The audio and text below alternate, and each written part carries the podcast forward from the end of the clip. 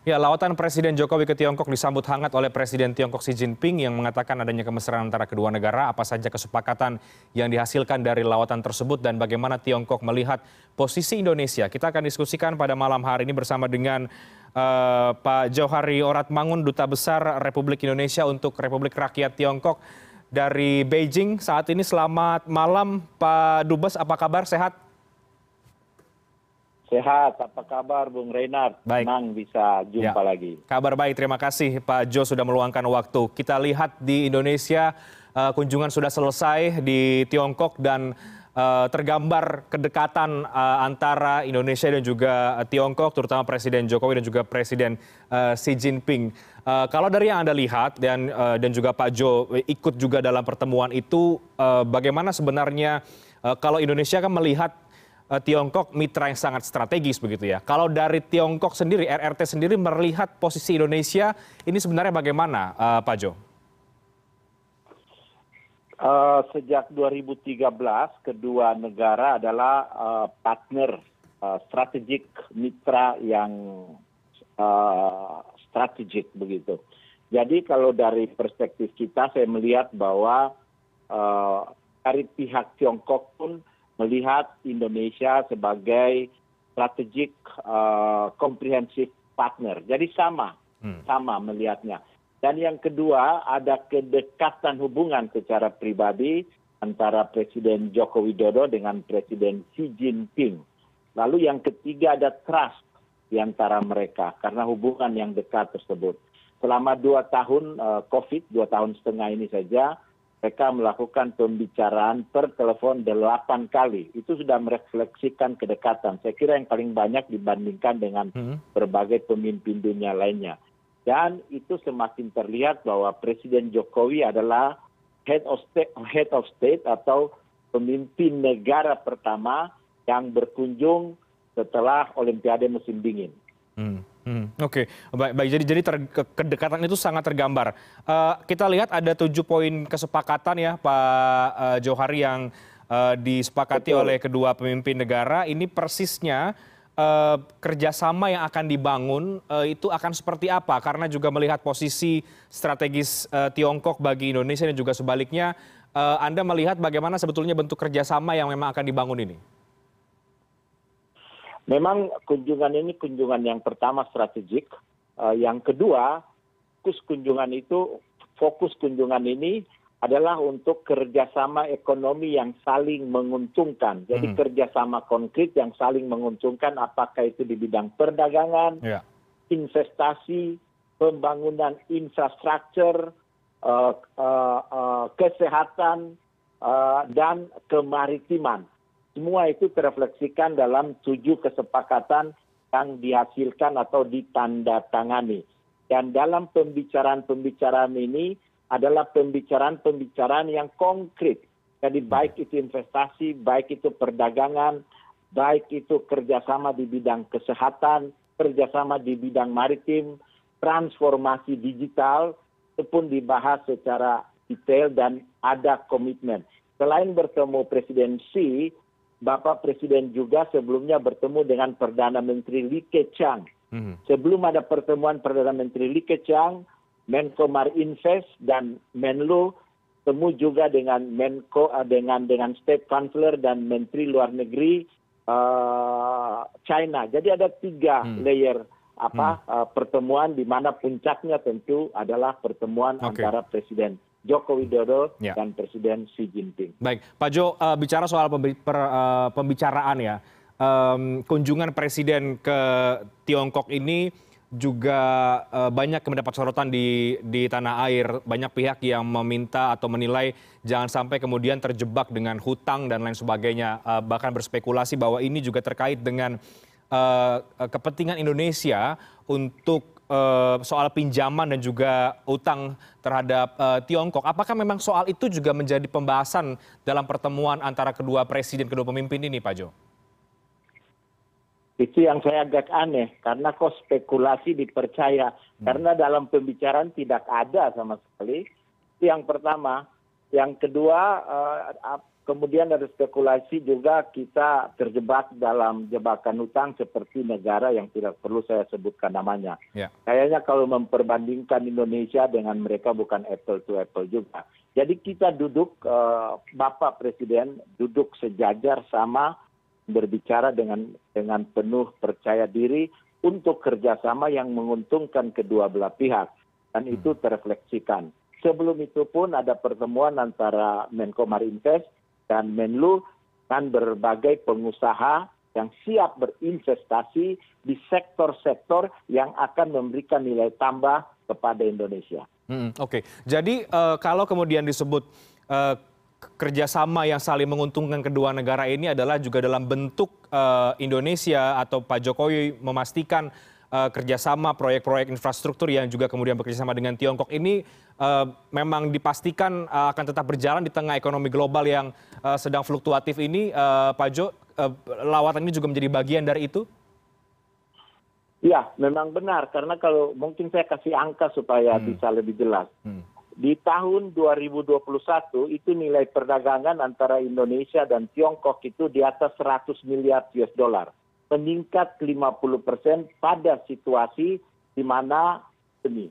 Yang kedua, investasi dari China yang masuk ke Indonesia itu 3,1 miliar. Hmm.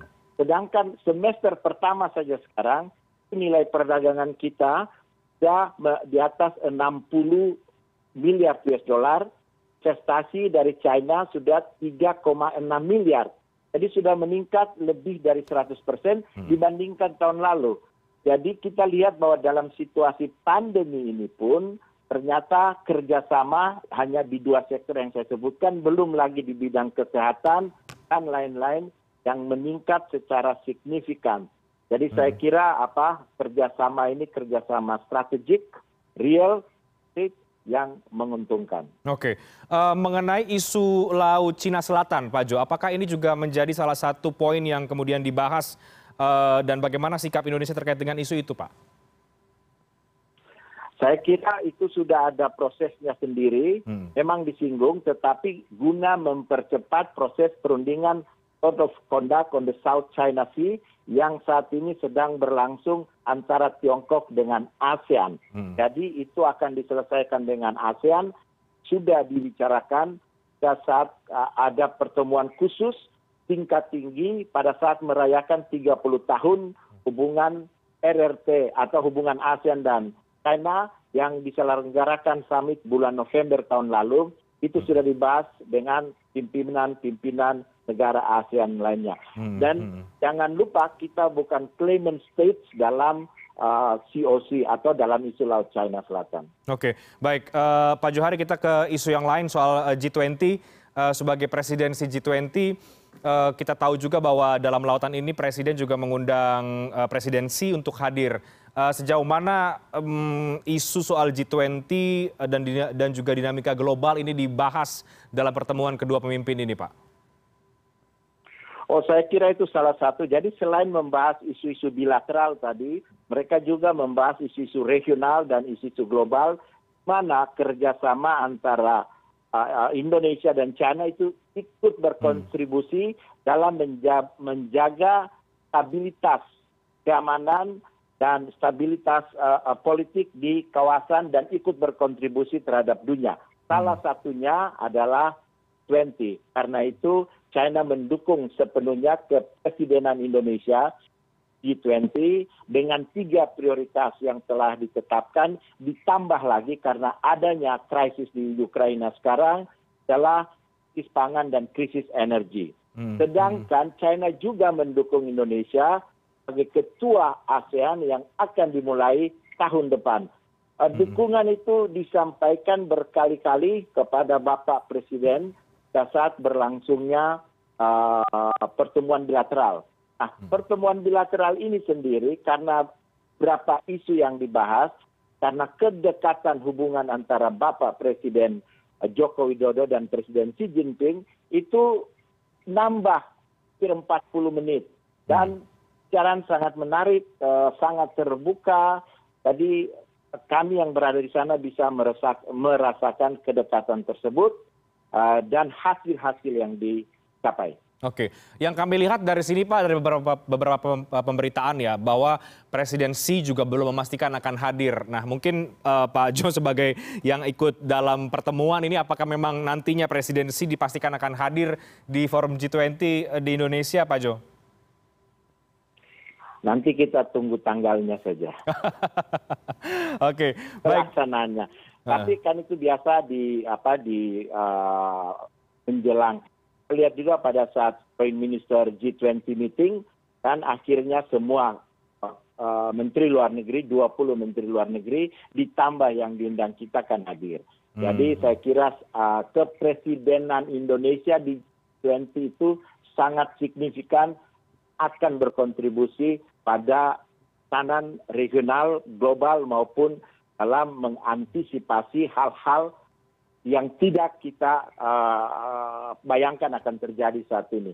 Karena itulah tentunya Presiden kita telah menyampaikan undangan dan itu ditanggapi dengan baik oleh Presiden Xi Jinping dengan menyatakan dukungan sepenuhnya. Oke, baik. Uh, kita kembali ke yang tadi uh, Pak Dubes juga sempat bahas bahwa total nilai perdagangan Indonesia dan juga Tiongkok mencapai uh, 110 miliar uh, US dollar gitu ya tahun 2021. Jadi setelah ada lawatan ini uh, sebetulnya apa harapan yang menurut Anda atau harapan yang tengah dibangun oleh Indonesia dan juga kedua negara dengan Tiongkok, Pak? Saya kira komitmen yang disampaikan itu akan meningkatkan ekspor kita. Yang pertama ada komitmen untuk membeli CPO satu juta ton lagi Hmm. yang kedua komitmen untuk membeli produk produk uh, pertanian dan perikanan dari indonesia hmm. termasuk ditandatanganinya protokol nanas uh, juga produk produk turunan dari sarang burung walet lain lain hmm. jadi kalau melihat tren bahwa di semester pertama dibandingkan semester pertama tahun lalu ada peningkatan sekitar 30 persen saya kok agak optimis Hmm, hmm, tahun 2018 hmm. itu total perdagangan kita masih di kisaran 70 miliar. Sekarang kalau menurut data BPS 110 miliar, kalau menurut data Tiongkok 120 miliar. Jadi ada kenaikan yang sangat signifikan. Tahun hmm. lalu itu ekspor kita meningkat 70 persen, hmm. volume perdagangan meningkat 60 persen. Sekarang saja sudah di atas uh, 30 persen. Jadi hopefully hopefully dalam situasi dunia tidak uh, terlalu positif atau kondusif saat ini kita masih bisa melakukan perdagangan dengan uh, dengan China itu dengan negara-negara lainnya nah memang dari dari data-data uh, statistik kita ekspor kita pun meningkat sangat signifikan tidak hmm. hanya ke Tiongkok tapi ke berbagai belahan dunia lainnya. Oke, baik.